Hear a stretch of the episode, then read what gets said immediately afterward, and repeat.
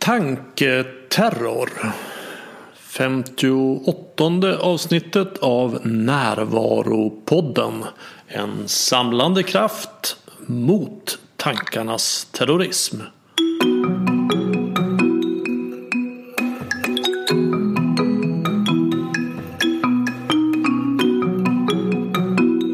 Det här är Bengt Renander. Och det är faktiskt en ren slump att det här avsnittet om tanketerror kommer ut just nu i en tid då så många plågas av oro och rädsla för virus och för framtiden. Mitt sätt att hantera det, det är att återigen gå till sinnesrobönen. Jag ber om sinnesro att acceptera det jag inte kan förändra. Mod att förändra det jag kan och förstånd att inse skillnaden. Det är mycket i det här jag inte kan förändra. Och jag gör vad jag kan för att acceptera det eftersom jag ser det meningslösa i att vara emot det som är. Därför att det är ju redan. Så jag förändrar det jag kan. Till exempel tvättar jag händerna oftare. Jag undviker kroppskontakt, folksamlingar och jag har flyttat föreläsningarna till internet. Och jag gör också vad jag kan för att använda mitt förstånd till att hitta en balans där jag inte går till ytterligheter vare sig i att vara livrädd eller att omedvetet bete mig som vanligt. Föreläsningen i maj om tantra sex kommer jag att hålla. Om det blir på internet eller här i Stockholm det kommer jag att bestämma i slutet på april när läget förhoppningsvis klarnat något. Eh, det finns alltid uppdaterad information på min hemsida renander.nu. För några månader sedan besökte jag en samtalskväll med den spännande rubriken Psykoterapi och andlighet. I panelen satt bland andra Robert Johansson som är psykolog och forskare i psykologi vid Stockholms universitet.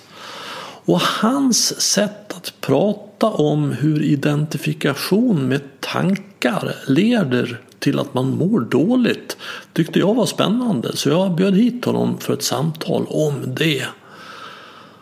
Och vi pratar om nyttan med egots rädsla och om svårigheter med att vara en tänkande apa. Om rädsla som inte står i proportion till faran om att se igenom tankarnas illusion, om att gå till sitt inre bevittnande, om vad det här vittnet är och vad som karaktäriserar det. Om wow-upplevelsen av att vara närvarande. Om hur vi kan sluta självattackera med tankar. Om hur ett andligt uppvaknande kan vara lösningen på tanketerror om vad som kan hända när man känner det man känner. Om att självmedicinera med till exempel alkohol eller socker. Om att tillfriskna från tankedrama och om varför jag kallar mig nykter alkoholist. Här är Robert Johansson.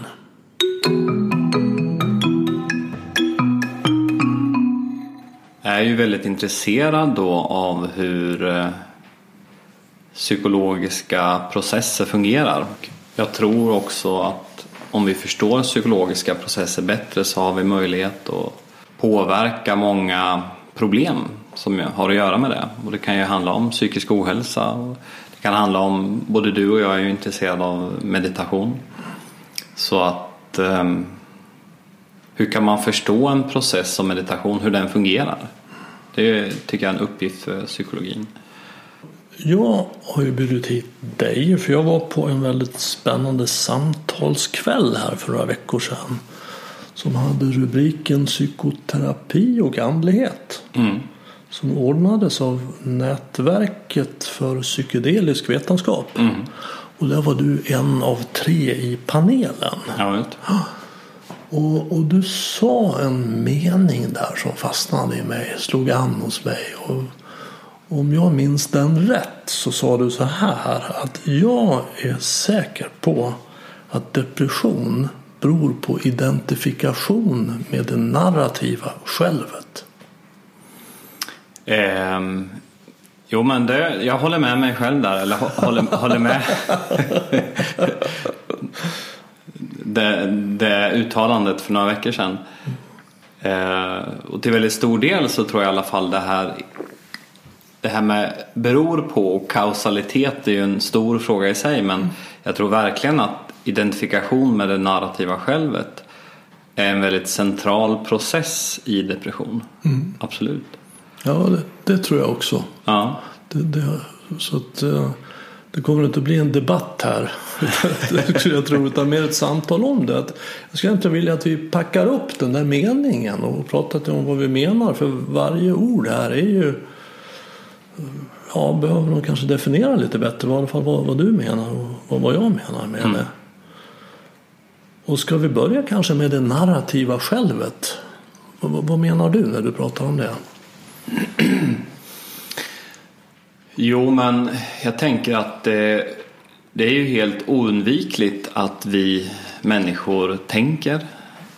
Det är helt oundvikligt att vi människor kopplar ihop olika sinnesintryck med vad vi har upplevt tidigare. Och det är helt oundvikligt att vi hela tiden tänker både framåt och bakåt. Det bara händer. Och i allt det här tänkandet så finns det ju hela tiden det här när, I ett vanligt tänkande så finns ju den här närvaron av ett perspektiv från var tänkandet sker.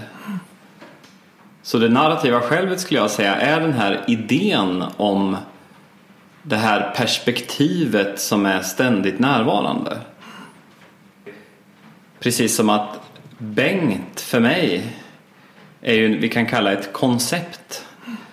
Det enda jag visste om dig var att du, var, ja, du ställde den här frågan på, eh, det här, på paneldebatten. Och sen så blir ju konceptet Bengt någonting som jag associerar med mer och mer saker under den här tiden vi har haft e-postkontakt. Och på samma sätt så är det här självet ett annat koncept som jag under längre tid har hållit på att associera och sätta i likhet med olika saker, sätta i motsats till andra saker, sätta i större än, mindre än eller vad det nu är. Så det byggs ju en väldigt utförlig historia kring det här självet. Det här perspektivet. Att det har ett värde eller att det kan bli hotat. Jag behöver fatta beslut om att undvika att gå dit för att självet eh, påverkas på det här och det här sättet. Mm. Så det är det jag menar med det narrativa självet, när vi bygger på det med olika historier. Mm. När det slutar att bara vara ett perspektiv utan det finns massa historier som vi dessutom kan eh, verkligen gå över lik för att bevara. Ja, men ett exempel som jag har sagt till några personer några gånger är det här att när det var eh, skogsbränder i Brasilien så tackade presidenten nej till ett stort ekonomiskt stöd. Och, och, utan att vara särskilt insatt så uppfattade jag att det var en konsekvens av, det var ett beslut fattat utifrån den, det narrativa självet hos den presidenten. Jag uppfattade det så. Mm. Alltså att det, det, det, blev ett hot mot någon form av självbild att ta emot det ekonomiska stödet. Han hade en berättelse om sig att han skulle klara sig själv. Och då har man den berättelsen så kan man inte ta emot hjälp. Så, det är så du tänker? Så uppfattar jag det precis. Mm. Um, mm. Ja, och min bild påminner mycket om din. Men det narrativa, narrativa är ju narration, det är ju berättelse. Alltså det är en del av mig som håller på med en massa berättelser hela tiden. Berättelsen om mitt förflutna, berättelsen om min framtid, berättelsen vem, om vem jag är. Om jag är lång till exempel, vilket jag ju blir om jag jämför med någon som är kortare. Eller om jag är kort, vilket jag blir om jag jämför med någon som är längre. Man kan säga att egentligen att allting som kommer efter jag är är det narrativa självet. Det är en sorts berättelse. Mm. Och det är ju vad man inom buddhismen kallar för egot. Mm. Så att egentligen, det blir ju lite trixigt med ord där. Narrativa självet, för mig egot. Och jag, för mig då är den som kan bevittna det här. Så gud vad jag håller på. Alltså ego är ju jag på latin. Jag kan säga för jag är inte klok. Det här vittnet. Det är då i min kartbild självet. Och det är den jag lånat ifrån. Till exempel buddhismen och psykosyntesen. Och när jag då inte har tillgång till det här bevittnade självet utan identifierar mig med egot. Då är jag väldigt i risk för depression. Mm. För att de berättelserna kan se ut hur som helst. Ja men det, det håller jag verkligen med dig att en typisk deprimerad berättelse handlar ju om mig och en väldigt stark värdering också. Och det där tycker jag är viktigt att trycka på att en berättelse har ju både, hur ska man kalla det, det är väldigt mycket olika koncept som är relaterade till varandra. Jag och Bengt träffas här. Det, det är två koncept, jag och Bengt och, och här är ett tredje koncept och sen så träffas. Men på ett sätt är det inte så mycket värdering i den berättelsen. Men om vi börjar säga så här, jag och Bengt hade ett bra samtal. Jag och Bengt hade inte ett bra samtal. Det, det blir genast massa olika värderingar. Och där, det blir ju den, den processen, värderingsprocessen far ju runt då i allt som, den, i allt som har med jaget att göra. Och det kan ju också bli så här Eftersom den personen verkar må bra så må jag, måste ju jag vara sämre än den personen. Den personen mår bra, jag mår inte bra. Eh, jag eh, är därmed sämre än den personen. Så, så vi kan säga att, att det finns dels en upplevelse. Alltså att du och jag träffas här. Det Ja. kan vi uppleva. Ja. Sen kan vi tänka om den upplevelsen. Så att vi har ett bra möte eller vi har ett dåligt möte. Ja. Eh, Och, och, och det är en annan sak. Då går vi in i tankevärlden. Och det, när vi identifierar oss med tankevärlden, att den är bra eller dålig. Jag tänker på ett citat av Shakespeare, jag tror att det är från Hamlet. Som säger att nothing is good or bad. Only thinking makes it so. Ja men det, det håller jag med Shakespeare. Eh, För eh, good or bad är ju också språkliga konstruktioner. Eh, Och en hund kan ju förvisso ta avstånd från vissa saker eller närma sig olika saker. Det kan vara någon evolutionär variant av good or bad men det vi pratar om är ju oftast mer verbala konstruktioner. Och det finns ju de här Four Noble Truths i, i buddhism. Ja, den, den första är väl ungefär så här att äh, lidande är oundvikligt. Och min tolkning av den sanningen är nog ändå det här att tankarna kommer alltid att pågå och värderandet kommer också alltid att pågå. Och det är en del av att allting är lidande. Att värderingen alltid finns här närvarande. Sen, sen tänker jag ändå att det finns ett val hur mycket vi identifierar oss med det här lidandet. Eh, hur mycket, det är ändå uppfattar jag valfritt. Det finns mycket händelser som vi kan kalla smärtsamma. Men det är ändå valfritt att identifiera sig med värderingar av de händelserna.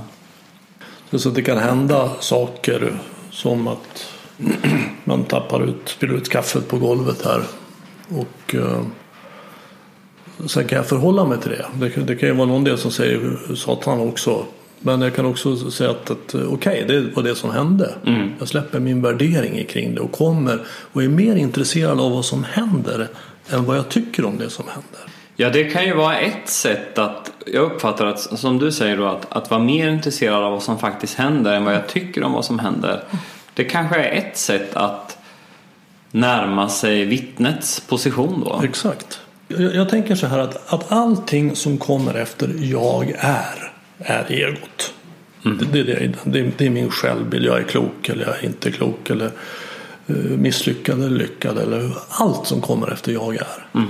Men om jag stannar vid jag är. Mm. Alltså själva varandet. Mm. Som ju är en upplevelse. Mm. Och där hamnar ju vi i en, i en paradox. För om jag ska beskriva vad jag är så har jag ju satt ett objekt i den meningen. Ja. Så blir det att jag är närvarande eller jag har ett Ja, öppet ja, utrymme. ja, och då har det blivit ett ego igen. Så att, att vi, det här med jag är är ju en upplevelse som faktiskt inte går att sätta i ord. För så fort jag sätter ett ord på det så har det blivit en identifikation i egot. Min upplevelse av många processer som kan vara inblandade i depression är ju då också identifikation med Ja men ilska är ju vanligt då, att, att jag är arg. Och, och, och alltså den här bitterheten som många kan uppleva eh, när man är deprimerad, att man vill ja, men en frustration över både sig själv och andra. Den, den här som, som nästan kan få folk att spricka. Den uppfattar jag i högsta grad är väldigt, väldigt fylld av identifikationer snarare då än det här som du säger. Det finns ilska. Mm. Det finns en känsla. Mm. Um, jo, men att man är identifierad med den känslan. Ja, verkligen. Ja, ja men det är ju det jag menar. Ja. Alltså att det, det är att jag är, jag är rädd, dålig, olycklig eller vad det nu är för någonting. Ja.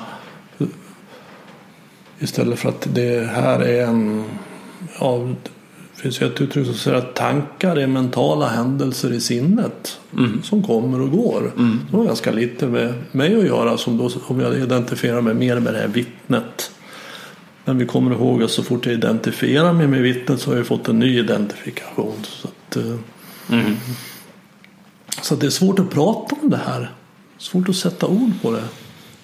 Ja, det, det håller jag med om. Och, och språket vidmakthåller ju den här idén om att du och jag är separata enheter.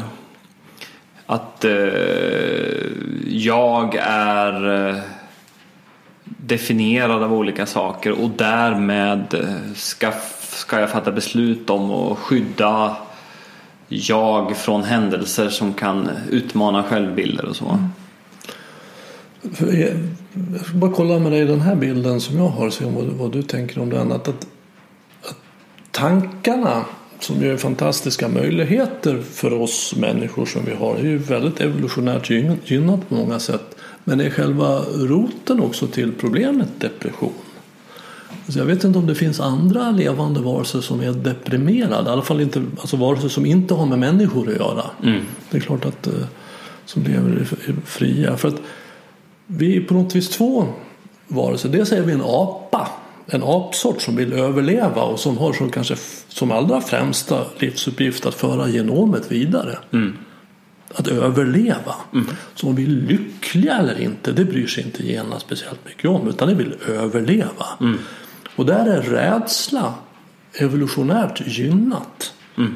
Alltså om, om jag är rädd, den som är rädd har mycket större chans att överleva än den som bara ger sig ut och tänker att alla pinnar i skogen är eller den som ger sig ut och tänker att alla ormar i skogen är pinnar. Mm. Den dör ju ganska fort. Mm. Så att, och sen så får den här apsorten för i storleksordningen 50-100 000 år sedan förmågan att tänka. Vilket gör att vi kan lära av det förflutna, planera för framtiden och föreställa oss det som inte finns. Och det här tas ju då i evolutionens tjänst genast. Så jag ska komma ihåg allting hemskt som har hänt mm. Jag ska räkna ut allt hemskt som kan komma att hända och hitta, föreställa mig allt hemskt som kan komma att hända. Vad jag ska göra när det har hänt och vad jag ska göra när min lösning har gått åt skogen. Vilket gör att, att den här apan som kan tänka har fullt upp från morgon till kväll med att vara i det förflutna och framtiden och i rädslor och begär. Absolut. Och det är så att säga vårt naturliga tillstånd. Att vara, om man nu kan kalla det naturligt tillstånd, ett slarvigt begrepp. Men, men det är ett evolutionärt gynnat tillstånd. Mm. För vi, vi är ju barn till de rädda. Alltså de som har gått mitt i flocken och varit oroliga över att de ska komma bort eller eh, inte få vara med. De, de har ju klarat sig. De som sa att jag, jag sticker iväg ett tag och kommer sen. De såg vi aldrig till igen. Så att vi är barn till de rädda. Så för att kunna gå ur det här. Jag undrar om inte vad det Buddha såg. För att kunna komma ur identifikationen här med tankarna. Vår enorma rädsla som inte står i proportion till faran. Mm. Det är inte alls så farligt att vara Bengt som mina tankar kan, kan göra gällande. Mm. Vad säger du om det här? Jag tänker absolut att eh, depression som vi ändå pratar om har att göra med tankeprocesser. Det är klart man kan prata om att en hund blir deprimerad eller att olika djur blir deprimerade. Men den typen av uppgivenhet som ett djur kan beskriva på det sättet skulle jag ändå säga är någonting annat än det vi menar när människor blir deprimerade. Det stämmer verkligen det du säger tycker jag att det uppstår ju en kollision mellan apdelen av en människa och den tänkande delen. Mm.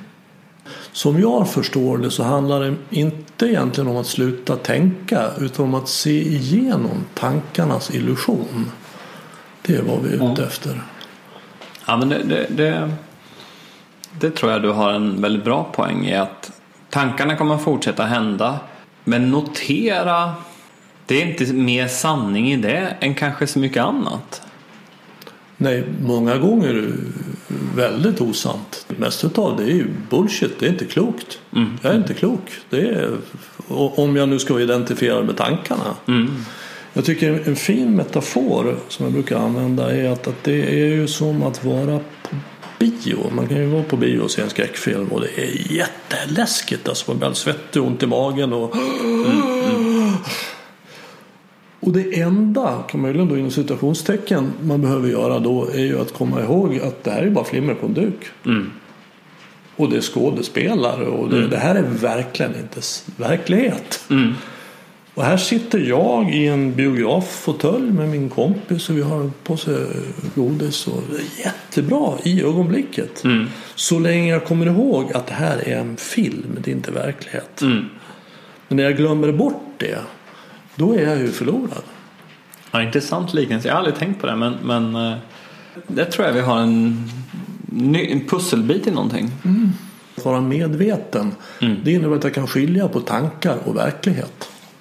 Mm, mm. Alltså att jag, jag kan ha tankar om att, ja, att och, du har inte sådana tankar om att du inte tycker om mig eller att du inte vill vara här. Eller, och, och jag kan identifiera det som tankar och vakna upp här till verkligheten. Mm. För rädsla, det skulle i så fall vara en rädsla. De har ju också en väldig tendens att vara självuppfyllande. Ja. Så att jag sitter här tillräckligt länge och tänker att du inte tycker om mig och beter mig därifrån så kommer du sluta tycka om mig. Mm. Men där tycker jag också du lyfter en viktig fråga som jag också har börjat tänka på senaste halvåret. Att uppmärksamhet spelar ju en roll i det här. För det är en sak att du får sådana tankar. Eller att jag får sådana tankar. Men det är en annan sak att vår uppmärksamhet går till de tankarna. Och det tycker jag ändå att mycket meditation försöker ju ha en ambition av att eh, hjälpa en person att få mer viljestyrd kontroll över sin uppmärksamhet. Mm-hmm. Att börja fokusera på andningen till exempel. det blir ju så tydligt hur mycket tankar som händer. Jag tycker också det är intressant utifrån det blir svårare att hålla liv i den här idén om att jag är den som styr. När jag kan verkligen, verkligen vilja ha fokus på andningen. Men det är uppenbarligen någon annan som far iväg med uppmärksamheten åt något annat håll. Jag har ju bestämt mig för att jag vill ha fokus på den här mm. andningen. Men ändå så far det iväg. Mm.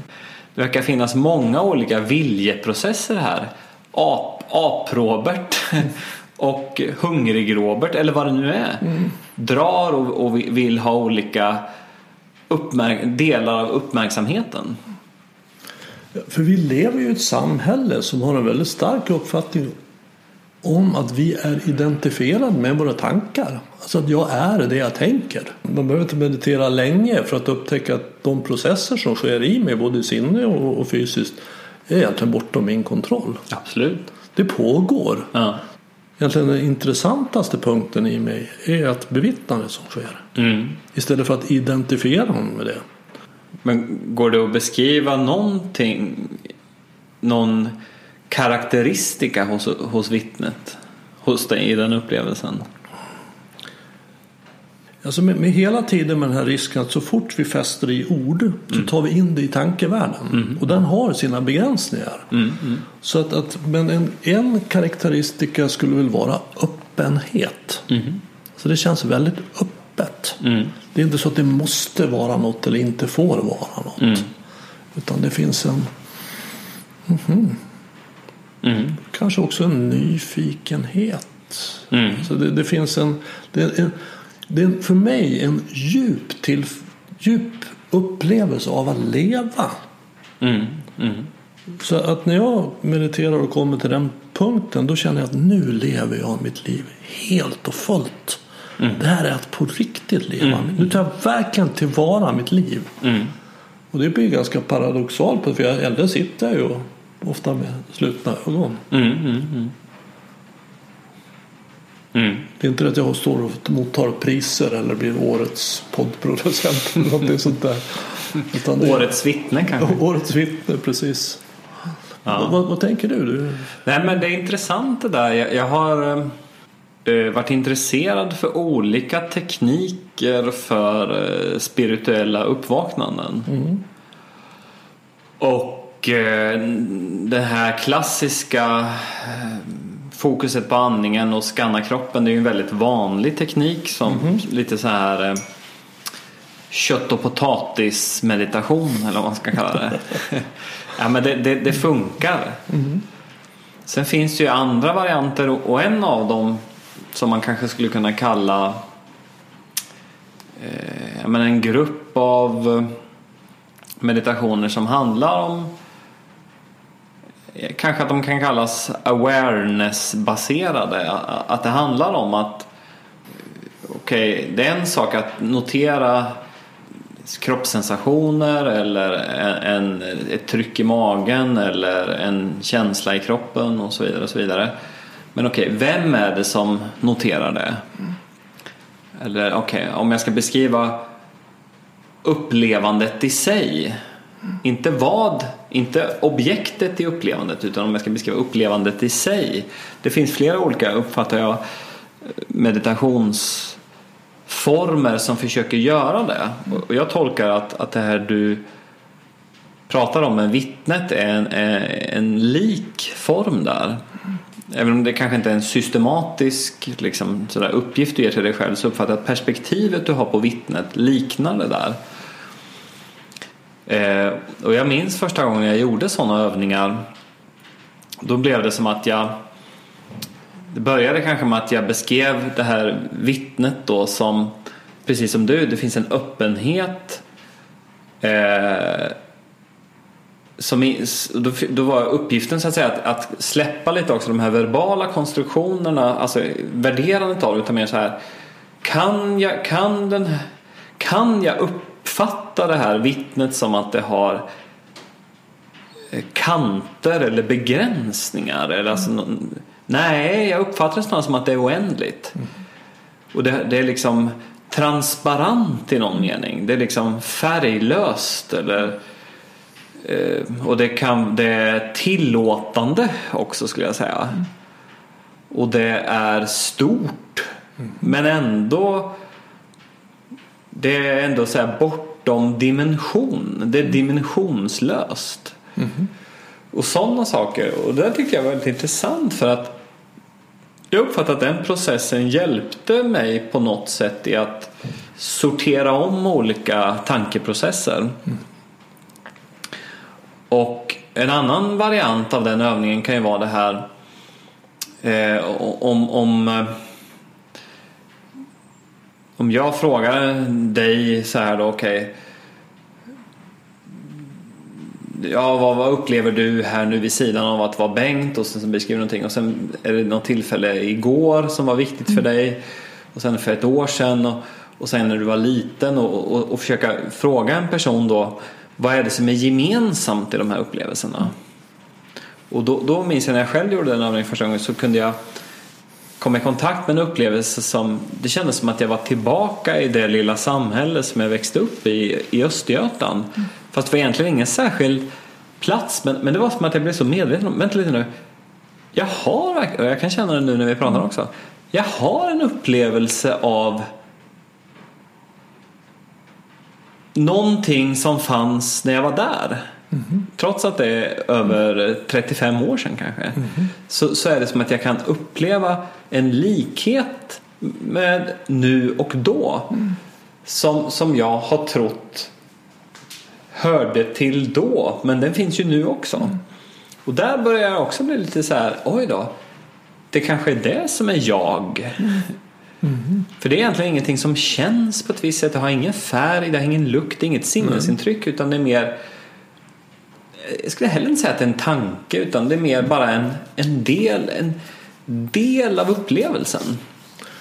Och jag föreställer mig att, att det, den delen är också starkt kopplad till upplevelsen av att, att, att du är en och samma människa som lever ditt liv.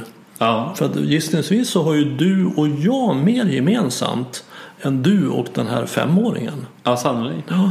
Men ändå har du en stark upplevelse att det var du som var fem år. Ja. Så det finns någonting där som är konstant genom livet. Ja, nu, nu är det ju en efterhandskonstruktion att jag mm. tänker tillbaka. Men jag, jag, uppfattar precis som du säger att, att det är en del av det här perspektivet som har varit konstant. Ja, för, för, jag har samma upplevelse. Ja. Jag, har, jag har ju verkligen en stark upplevelse att det var jag som var fyra år eller fem eller sju och jag kan gå tillbaks precis, det, det finns här i mig. Mm. Inte så mycket som ett minne att jag kommer ihåg utan mer som en upplevelse att det var jag som var med om det här. Mm. Och det skulle jag ju säga, det skulle jag då lägga på självet. Att det finns någonting i mig som, som inte egentligen förändras genom livet. Mm. Personligheten kan ju förändras och utvecklas och gör det också. Men, men även om jag har genomgått en stor, stor personlighetsförändring så har jag en upplevelse att det är jag som har gjort det. Det finns någon kvar där mm. som är sanna, samma med den här förändrade personligheten. Ja, och där någonstans tror jag ändå vi börjar närma oss. Det kanske är en viss, på ett sätt kanske det är ett narrativt själv det där också men, men jag vet inte om man kan prata i grader av narrativt själv. Mm. Det här vi pratar om som är samma som fyra år. Jag uppfattar att det inte riktigt är så här. Det är inte så mycket så här eh, självdefinierande mm. eller att det är så eh, ska jag säga, det, jag att det är inte så fyllt av olika kvaliteter. Det är inte bra eller dåligt så mycket utan det är mer bara någonting som är. En, en kort bild som hjälper mig är att jag, jag tänker mig så här. Vi har pratar om tankevärld, vi pratar om upplevelsevärld och vi pratar om uppmärksamhet. Och att, att tankevärlden och alltså, vi kan egentligen ha vår uppmärksamhet i de här två olika världarna. Jag tänker mig uppmärksamheten som en ficklampa. Jag kan rikta den mot tankevärlden och då blir min värld ute vad, vad mina tankar säger till mig. Och så riktar jag den mot upplevelsevärlden och då får jag gå till mina sinnen. För jag upplever världen via mina sinnen. Och om jag inte har, och den här ficklampan den dras mot tankevärlden. Mm. Den graviterar mot mm. tankevärlden. Så att jag var en otränad på att rikta min uppmärksamhet mot upplevelsevärlden så kommer den att vara i tankevärlden. Mm. Och tankevärlden kan rymma hur mycket drama som helst. Mm.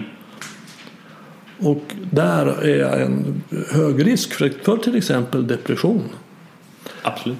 Men om jag då tränar min uppmärksamhet att gå mot upplevelsevärlden Mm. så att jag riktar den mot här nu och upplever nuet så kommer jag att upptäcka att det pågår någonting här. Här som i... Här nu. Ja. Här nu. Som är väldigt fascinerande. Ja, det är i alla fall... Eh... Vad menar du när du säger fascinerande? Ja, att det är spännande. Här sitter vi, två hö- höga kolatomer och, och pratar med varandra. vi får mötas här. Det regnar utanför. Det finns krukväxter. Så det wow. Ja. Så fint ögonblick. Ja, ja. För jag uppfattar att du beskriver en wow-upplevelse som i sig inte är så värderande. Nej, det, det är inte så att det här wowet kunde ha varit att, att det, det är inte villkorat. Nej. Jag vet inte om, om vi beskriver samma fenomen men jag har varit på tre stycken tio dagars retreat. Och särskilt efter det andra jag var på minns jag att det var när jag, jag hade kom hem därifrån på morgonen så gick det en hel dag och sen så sov jag väldigt gott på natten och vaknade på morgonen därefter. Och då uppfattade jag att jag hade släppt så enormt mycket av det narrativa självet. Och jag gick bara ut i naturen och, och upplevde det som fanns där. Och det var verkligen, verkligen en variant av en wow-känsla. Men det som verkligen, verkligen karaktäriserade upplevelsen var att jag hade släppt så mycket. Det var inte så mycket det här alls att jag hade fått olika saker utan det var tvärtom att och jag har blivit av med saker. Och det, det där är en så intressant korrelation tycker jag att jag upplever att det är så att ju mer jag kan släppa på saker desto mer kommer en tacksamhet eller en, eh, försiktig med ordet lycka, men någon variant av det då. Och det, jag vet inte om det är samma som du menar med den här wow-upplevelsen inför, inför nuet. Eh, Skulle du säga att det Ja, liknar det? absolut. Det, det är upplevelsen egentligen av att vara närvarande. Som egentligen finns tillgänglig för oss hela tiden. Men, men för det mesta, vi är så vana. Vi lever i ett samhälle som så hyllar tankevärlden. Ja. Så vi är uppfostrade in den rädsla Ja. det är. Så att, att det kan komma kanske bara stundvis. Man sitter på semestern ute på en ö och ser solnedgången. Så kan man Wow! Fan det är bara en vecka kvar på semestern. Nu ska vi hinna med här. Det var årets touchdown i nuet. Nej men det där, jag, jag tycker det är... För jag kan ju själv ändå uppleva att okej, så här kommer en, en, en, någonting som jag är nyfiken på att höra vad du tänker att det är som att man kan prata om närvaro och seminärvaro. Och seminärvaro uppfattar jag någonting Ja, men jag kan ju ha mycket narrativ kring att jag är en person som håller på med meditation och, och sådana saker.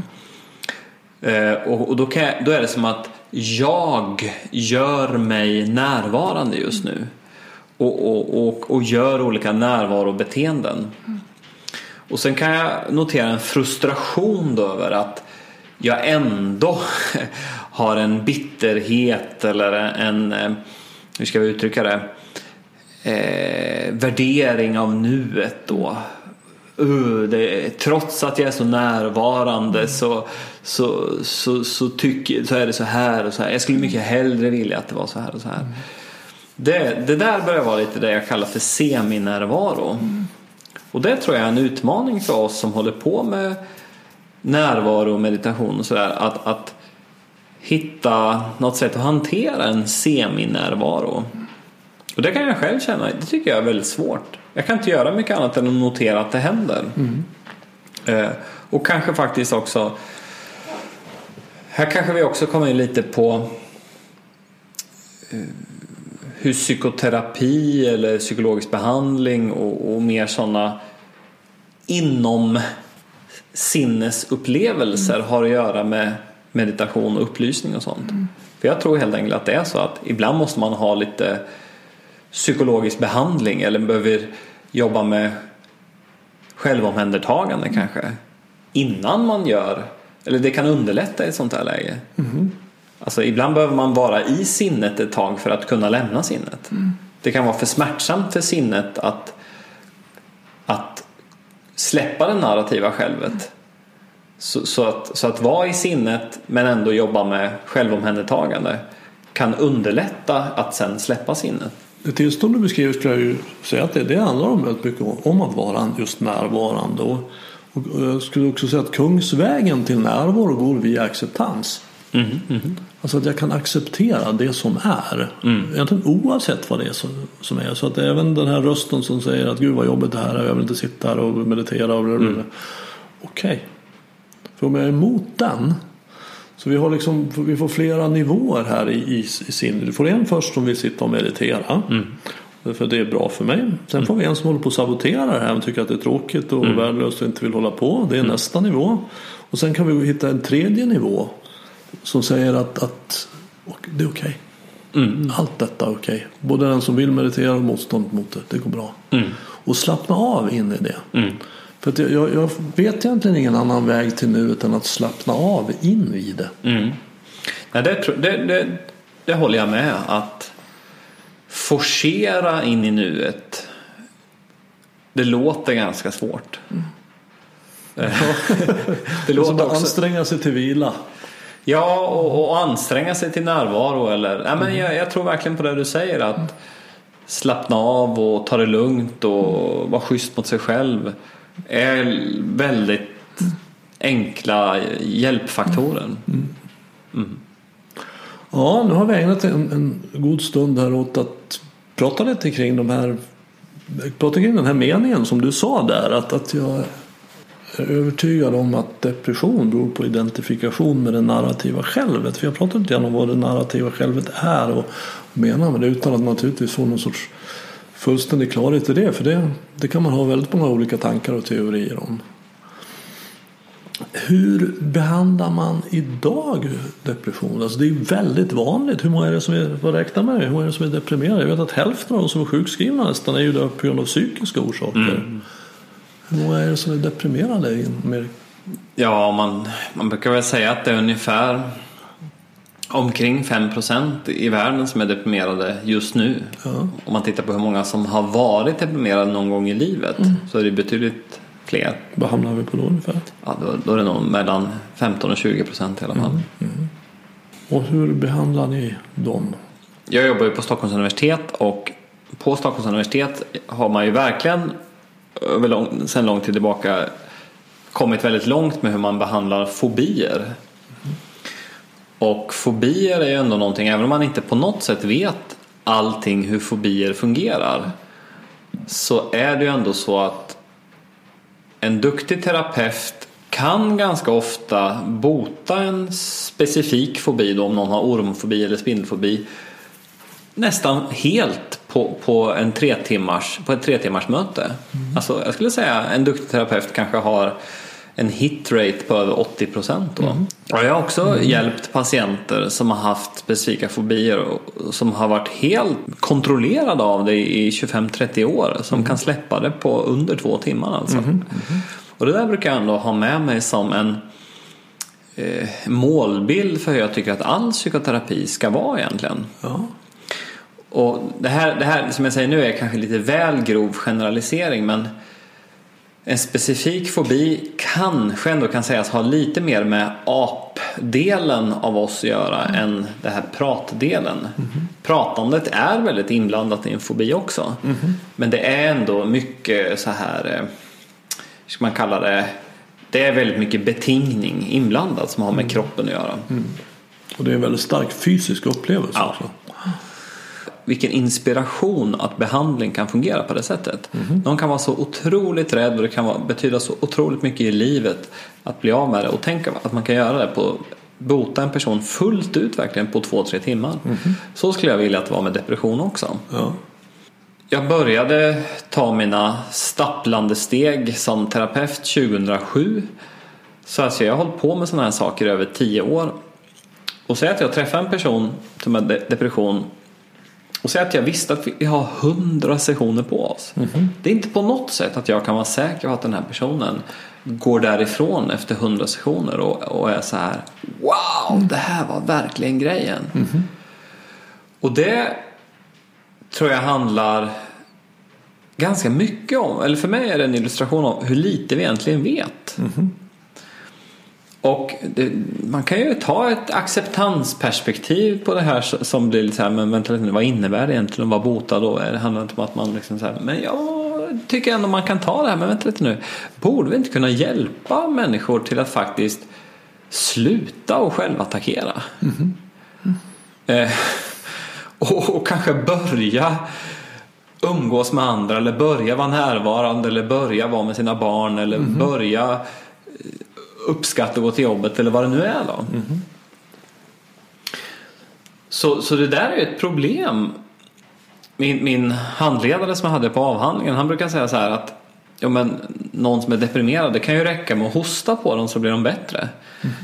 Och, och, han har en poäng i det där att om någon är deprimerad och börjar gå promenader fyra gånger i veckan mm på, om man, om man, hade man 100 personer som var deprimerade, det är en hel del som skulle komma ur depressionen med hjälp av det. Mm. Skulle någon gå i 30 sessioner avancerad terapi, det är absolut inte alla av de där 100 som blir bra. Mm. Det är inte ens säkert att det är fler än de som går promenader. Mm. Och det där är ju ett problem att vi vet så lite hur det fungerar. Mm. Men där någonstans tänker jag att de hetaste kandidaterna för vad vi ska göra åt det finns ju nog i det här narrativa självet. Mm. Det jag säger är ju inte att behandlingar är dåliga utan det finns ju väldigt bra hjälp att få. Mm. Det kan ju vara allt ifrån privatpraktiserande eller nätterapeuter till terapeuter eller psykologer på vårdcentralen. Mm. Det är väldigt bra behandlingar ofta. Men det är ändå ett faktum att det kanske ungefär är hälften som blir bra av en. Men om jag som patient testar en och sen har jag hälften chans att bli bra. Om jag testar en ny så har jag ju hälften chans igen. Så att mm. prov, man, ska, man ska inte underskatta att prova en annan behandling också. Mm. Men du är ute efter att kunna hitta effektivare behandlingar? Absolut. Snabbare, som kan hjälpa fler, starkare? Jag är också intresserad av hur man kan hjälpa någon att bli bra snabbt, som jag sa här, någon mm. på, på två timmar. Men jag tror att det första steget är att, att förstå ännu mer lite fullt ut hur någonting fungerar. Mm. Ja, det är en sak att förstå, aha, okej, okay, här är det olika självkoncept som far runt. Men det är en annan uppgift. Hur, hur botar man det då? Eller hur hjälper man någon med det? Är det meditation? Är det self-compassion? Är det uppmärksamhetsträning? Är det ett, ett utmanande tankar? Är det fysisk aktivitet? Det, det, det är en stor utmaning i sig också. Mm. Jag gör en parallell här som jag tycker är spännande. Och jag är en nykter alkoholist. Det är ja. väldigt många år sedan som jag slutade dricka. Men, men ett sätt att se det är ju att, att, att eh, egentligen alla de här missbrukarsjukdomarna att jag är identifierad i tankevärlden. Mm. Och sen själv medicinerar jag med alkohol. Mm. För det blir så jobbigt. Eh, alla de här rädslorna och begären om att inte duga till och att bara vara över och under och för mycket och för lite. Mm. Så jag, det väcker en massa känslor som är obehagliga och sen så hittar jag alkohol för att, att, att egentligen självmedicinera. Att jag mm. reglerar mitt känsloliv med alkohol. Mm. Och det är ju då tyvärr en, en medicin som ger väldigt mycket biverkningar. Mm. Eh, som gör att känslolivet blir ännu mer ohanterligt. Mm. Så jag är inne i ett sånt hjul. Och vad hittar man då för lösningar på det? Alltså den traditionella vården står ju ganska maktlös inför det. Utan det, det enda jag vet som har en signifikant hjälp är ju tolvstegsprogrammet. Mm. Och vad handlar det om? Ja. Jo, i tolfte steget står det så här att när du till följd av detta program fått ett andligt uppvaknande. Aha, det är det man är ute efter. Mm. Alltså det är en annan lösning på samma problem. För det var ju det de som grundade tolvstegsprogrammet kom på att alkohol är ju inte problemet för en alkoholist utan det är lösningen. Ja. Så tar vi bort lösningen så vi behöver vi ge en annan lösning. Ja. För annars så kommer den här personen vara kvar med problemet. Och den andra lösningen var då ett andligt uppvaknande. Och vad innebär det då? Innebär det att bli religiös? Nej, man behöver inte bli religiös. Jag är inte religiös. Utan det innebär att vara vaken i verkligheten. Att vara närvarande. Och att vara sig själv. För jag menar ju då att när jag kommer till den jag är när jag är närvarande så är jag också när, den jag är. Den jag sant är. Inte mina berättelser om mig. Och när jag har fått ett andligt uppvaknande så finns det längre inte någon anledning att hålla på och dricka en massa alkohol. Varför inte det? Varför ska jag göra det? När jag kan känna det jag känner. Jag behöver inte fly ifrån Nej. mina känslor längre. Men hur, hur hjälpte ett andligt uppvaknande dig till att få kapacitet att känna det du känner? Jag kan ge dig ett exempel från första gången jag var på fest. Efter att jag hade slutat dricka. Det var väl kanske tre, fyra månader efter det. Och eh, när jag drack, jag var inte en sån som liksom blev jättefull och blev arg och betedde mig illa. Utan jag var en sån där festsnubbe som gick omkring och berättade historier och höll på och dansa och stod i köket på natten och gick sist. Och ehm, men sen slutade jag då att dricka och eh, av många anledningar, kanske huvudanledningen var att jag insåg att jag var alkoholist. Och Det är en god anledning att sluta dricka. Det har jag en fråga om också, men, Ja. men berätta gärna vidare. Så sen var jag på första festen. När jag drack så var- drack jag ju alltid en fördrink hemma innan vi åkte iväg till fördrinken. Innan vi kom till festen där vi fick en fördrink. Så att när festen var igång så hade jag ofta druckit två fördrinkar på varje ställe. Så att jag var ju helt klart påverkad av alkohol när festen började. Jag var inte jättefull men jag var helt klart påverkad av alkohol. Och nu då hade jag slutat dricka och um, blev det ingen fördrink hemma. Ingen, och inte åka iväg till när jag kom till festen. Nej, jag ska ha vatten. Och, och så stod jag där. Och jag kände mig så liten. Och blyg. Och tråkig. Och bortkommen. Och fel. Och ful. Och dålig. Och ointressant. Jag kommer ihåg jag stod där och försökte liksom tänka ut vad jag skulle säga. Jag ville gå och prata med någon. Så skulle jag gå och säga, ja, jobbar du fortfarande på... Jag tänkte, gud vad töntigt. Och hela det sköljde. Och jag- såg ju också att där borta står upphällt i glas. Om jag dricker två sådana där glas så kommer jag slippa känna det här. Och då insåg jag att det är det här jag har flytt ifrån. Just det. Det är de här känslorna alkoholen har hjälpt mig att slippa känna. Så nu har jag ett val. Ska jag använda alkohol för att medicinera eller ska jag vara kvar och känna dem? Och då var jag är kvar och känner de här. Och det blev ingen rolig fest speciellt. Och jag åkte säkert bland de första därifrån. Men jag var stolt att istället för att ha flytt så härbärgerade jag Ja, känslorna. intressant. Och så, så, nästa fest ungefär samma sak. Så, säkert samma sak den tredje. Men med tiden. Så eftersom jag kunde känna de här känslorna så dominerar de inte längre. Men, Och, och det är för mig då att vara närvarande. Att kunna känna det jag känner. ja.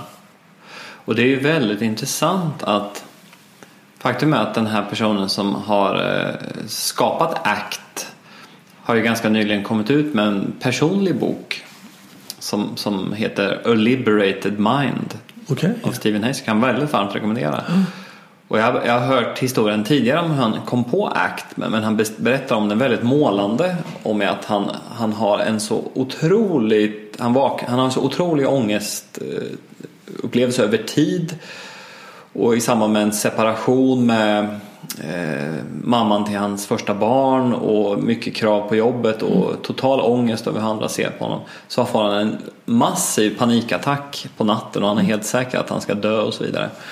Men han beskriver just det här då som han det som han numera pratar om, nyckeln i ACT, pivoting, alltså att kunna istället för att dra iväg från upplevelsen, gå in i upplevelsen. Han beskriver att den natten så börjar han notera sina upplevelser. Exakt. Eh, och, och den upp, jag uppfattat det du beskriver där om den festen, den första festen efter att du blev nykter. Eh, eh, är väldigt, väldigt lik det. Exakt. Eh, Istället för att fly från det jag känner så känner jag det. ja. Och märker att det är inte farligt att känna. Det vi gör för att slippa känna kan många gånger vara väldigt farligt. Och där, ja, där tänker, det skulle jag ändå vilja lägga till att jag tror också att människor är olika där i hur svårt är det att vara kvar då i nuet? Att, att göra den där vändningen. För det är ju ett rent faktum att vissa människor kommer att svettas så mycket som helst. Få jätteont i magen. Kanske bli helt svag i kroppen. Kanske få liksom synbortfall. Håller på att svimma. Blir snurrig i huvudet. Absolut. Man får inte glömma att det kan vara fruktansvärt svårt att också som terapeut, för, för många terapeuter är ju ändå på ett sätt hyfsat välfungerande. Och att minnas då att en patient som man har, som man ska hjälpa, kanske faktiskt behöver gå in i en upplevelse som är starkare än vad jag som terapeut någonsin har upplevt. Fint att du understryker det. Vi är alla olika. Ja men verkligen. Och, och, Men och det vi här för- kan låta enkelt men det är inte lätt. Nej, och det var just därför min fråga var till dig hur det var just för dig då. Hur, det, hur, hur du fick den kapaciteten att vara kvar i känslorna den gången. Ja. För det är ju inte självklart att en människa har det. Och det tror jag då är kopplat för mig till det första steget i tolvstegsprogrammet. För det, jag tog, det jag ägnade åt där var ju det tolfte, att vara närvarande. Och, och det första steget handlade om att jag hade fått nog. Av, av det liv som jag hade levt och det, det sätt att, att vara på. Ja. Jag, var, jag hade fått nog. Ja. Jag, jag gav upp min kamp mot, mot al- alkohol, att jag skulle kunna klara det. Och, utan jag ger upp, berätta för mig vad jag ska göra. För jag, jag är så jädra trött på det här. Så hellre att stå på en fest och känna mig generad och blyg och bortkommen än att ha det så här. Mm. Det, var, det är därför jag kunde stå och göra det. Och det där är ju... Ja men där tror jag du sätter fingret på någonting som jag... Min erfarenhet är att det där är en väldigt, väldigt viktig startpunkt i... Det kan nästan kännas lite fattigt att kalla det bara för motivation. För det är nästan starkare än motivation. Verkligen. Det handlar ju verkligen om värderingar om man vill säga det så då. A- a- Att se naket att eh, jag står för någonting men lever jag så här så går jag åt ett annat håll. Jag skulle säga att det handlar om självets överlevnad. Ja, Alltså, alltså det här vittnet att den jag sant är, den vi har pratat om, upplevelse av den här som jag har varit genom hela mitt liv håller på att dö. ja. Så jag håller på att, att, att i- i det här missbruket försvinna. Jag håller på att dö. Mm. Och, och att, att då välja livet. Mm. Så, så det är precis som du säger, det, det är ett väldigt djupt beslut. Mm. Mm. Och, och är det inte det så är det ju lätt att nej, jag, jag tar ett glas här nu för den här för jag skjuter upp det Mm. senare. Men du, jag har en fråga till dig angående det här med tolvstegsprogram och alkoholism och så. Ehm, och den hand, det är en ganska personlig fråga då. Och, och det gäller det här att jag själv dricker inte alkohol sedan 2016. Sista gången jag drack var tidigt 2017. Och det har inte i mitt eget fall en upplevelse av att jag har varit alkoholist eller så. Men, ens, men jag uppfattar att du och jag kanske just nu Ja, men vi upplever nog båda att alkohol inte har hjälpt oss i livet i alla fall. Så, så, så tror jag. men jag har funderat på det här vad för det är ju vanligt att människor som har varit med i AA eller har gått tolvstegsprogram och så kallar sig själva för nyktra alkoholister. Och det, det undrar jag lite, vad finns det för värde, tycker du, med att kalla dig för nykter alkoholist snarare än, vad ska, vad ska man ha som alternativ, en person som tidigare var alkoholist till exempel? Ja, det finns ett stort värde i det. Ett sätt att förstå alkoholism är att den har tre delar. Det, det finns en fysisk allergi vilket innebär att jag får en onormal reaktion när jag dricker alkohol. Eh, Det finns en mental besatthet. Vilket innebär att jag, jag kommer allt mer och mer fokusera på när, var och hur ska jag dricka nästa gång. Och det finns en själslig sjukdom. Och den handlar om att jag förmår inte att känna det jag känner. Att vara närvarande. Utan jag är upptagen i ett tankedrama. Och vad vi kan göra är att vi kan bota den själsliga sjukdomen. Alltså det går att få ett andligt uppvaknande och leva mitt liv närvarande och inte identifiera med mina tankar. Då kommer den mentala besättheten att fejda bort. Alltså, i- idag tänker jag aldrig på, på när jag ska dricka eller inte dricka.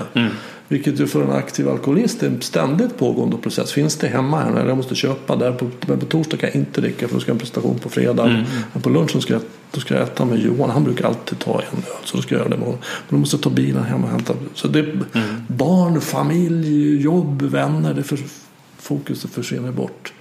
Men den fysiska allergin Alltså att jag får en onormal reaktion. För min reaktion på alkohol det är att, att om jag dricker ett glas så vill jag dricka ett till. Eh, För de flesta människor, nio av tio vill ju inte det. Utan de dricker ett gott glas vin till maten och säger tack, ska du ha ett glas till? Nej, det, det är bra för mig.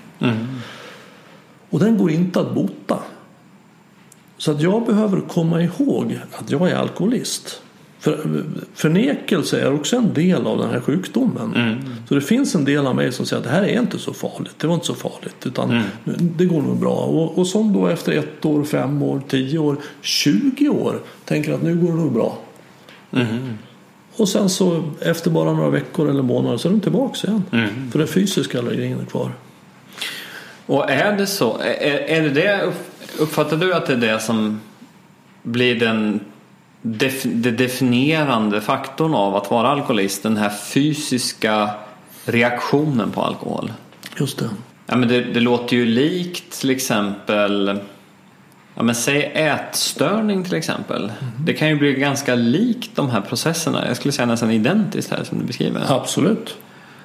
Och sen är jag öppen ändå på att det kan såklart någonstans är det en skillnad på effekten som mat har på en människa och alkohol. Alkohol, det är rimligt att det är en, att precis som att heroin har en annan effekt på eh, det, det finns nästan inte en människa, jag, jag vet inte, jag aldrig, jag har inte pratat tyvärr så mycket med människor som har tagit heroin men jag kan tänka mig att det inte finns så många som tar heroin och sen tänker ja men tack nu är det bra. Utan det blir en extrem åt andra hållet istället. Men alltså, sockermolekylen och alkoholmolekylen är ju väldigt lika. Så att de påverkar ju signalsubstanserna i hjärnan väldigt lika. Så att den typen av missbruk är väldigt lik som också har en fysisk komponent. Så att, absolut. Mm. Men uppfattar du att om du idag skulle ta ett glas vin då skulle du vara i, en, i en väldigt stor risksituation för att ta ett glas till efter det? Alltså, jag, jag tror vad som skulle hända är att, att jag skulle kunna dricka ett glas vin säg på fredag. Mm.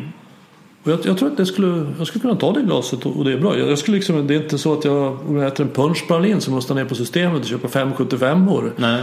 Utan jag skulle tycka att det var gott och bra det gick. Ja. Gud vad skönt. Jag, jag, nästa fredag kan jag också göra det. Ja. Ja, vad härligt. Jag är på bra... Wow, jag dricker som en vanlig människa. Ja. Jag kan nog kanske nästa vecka ta ett glas på lördagen också. Ja, ja, Och sen kanske två glas på fredagen. Jag vad bra det går. Mm.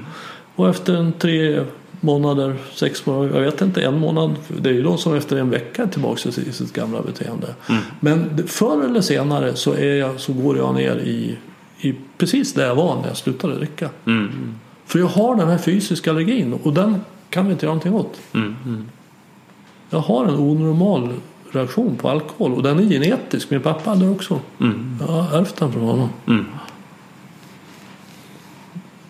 Sen går det att utveckla alkoholism utan genetiskt påbrå. Och det går att ha genetiskt påbrå utan att utveckla alkoholism. Men det finns en stark koppling, det är det ingen tvekan om. Mm. Så att ja, det är som en, är man jordnötsallergiker så behöver man ju komma ihåg det. Mm. Att jag är en nykter jordnötsallergiker. Jag äter inte jordnötter. För om jag glömmer bort att jag är jordnötsallergiker så utsätter jag mig för fara. Genom att du någonstans identifierar dig med att vara, med att vara alkoholist så är det ju också genom det som du skyddar dig själv eller tar hand om dig själv. Mm. Är, det så, är det så det fungerar? För, Jag skulle nog inte säga om jag ska vara noga med ord så jag ska inte säga att jag Alltså jag har en sjukdom. Ja. Jag har en defekt här som är alkoholism vilket gör att jag får den onormala reaktionen på alkohol. Det finns de som har diabetes. Det är viktigt för dem att de kommer ihåg att de har diabetes. Och gör de då vad de ska och sköter om sin diabetes, ja då kan de leva ett väldigt bra liv. Glömmer de bort att de har diabetes eller förnekar det så går det ganska fort illa.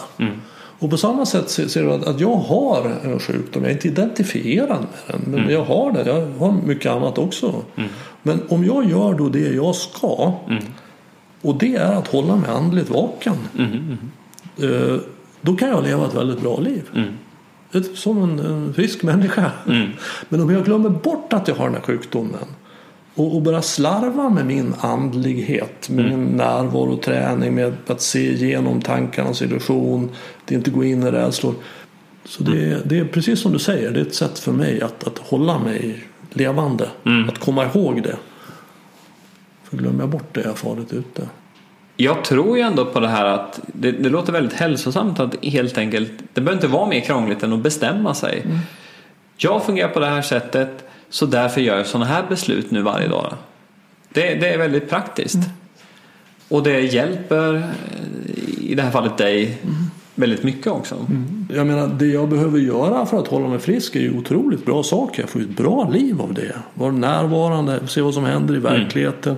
Inte bara fokusera på mig och min självönskan utan se hur kan jag bidra. Så det är ju väldigt många kvaliteter som vi får. Ja, wow! vi har rört oss runt ett stort område här. Ja, verkligen. Ja. verkligen. Stort tack för att du kom hit. Ja, men tack så jättemycket.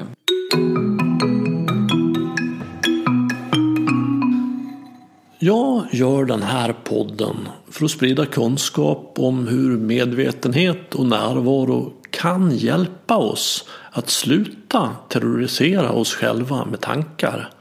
Jag tror att den kunskapen verkligen behövs och gör stor skillnad. Om du tror som jag och vill stödja podden, hjälp till att sprida den genom att tipsa om den till vänner och bekanta. Det är ju också hjälpsamt om du betygsätter och skriver kommentarer på iTunes. Jag har inga sponsorer eller annonsörer i podden så jag betalar för att göra den och det gör jag så gärna. Jag har svårt att se någonting bättre att lägga mina pengar på än att sprida just den här kunskapen och inspirationen om hur man kan öka sin medvetenhet och närvaro. Jag tror att det gör världen bättre. Om du vill stödja Närvaropodden ekonomiskt så köp boken Stoppa tankarnas terrorism. Pengarna går till poddkassan och du får en handbok i hur du blir mer medveten och närvarande. Boken har fått många positiva omdömen som tydlig, klar, enkel och väldigt användbar. Enklast köper du den via hemsidan renander.nu och jag signerar den gärna om du vill. Har du något ämne eller person som du tycker skulle passa här i Närvaropodden så tveka inte att kontakta mig. Enklast gör du det via kontaktformuläret på hemsidan renander.nu. Desto fler vi är som är vakna i verkligheten ju mer kan vi ju förändra den på riktigt. På återhörande. Och du, var uppmärksam.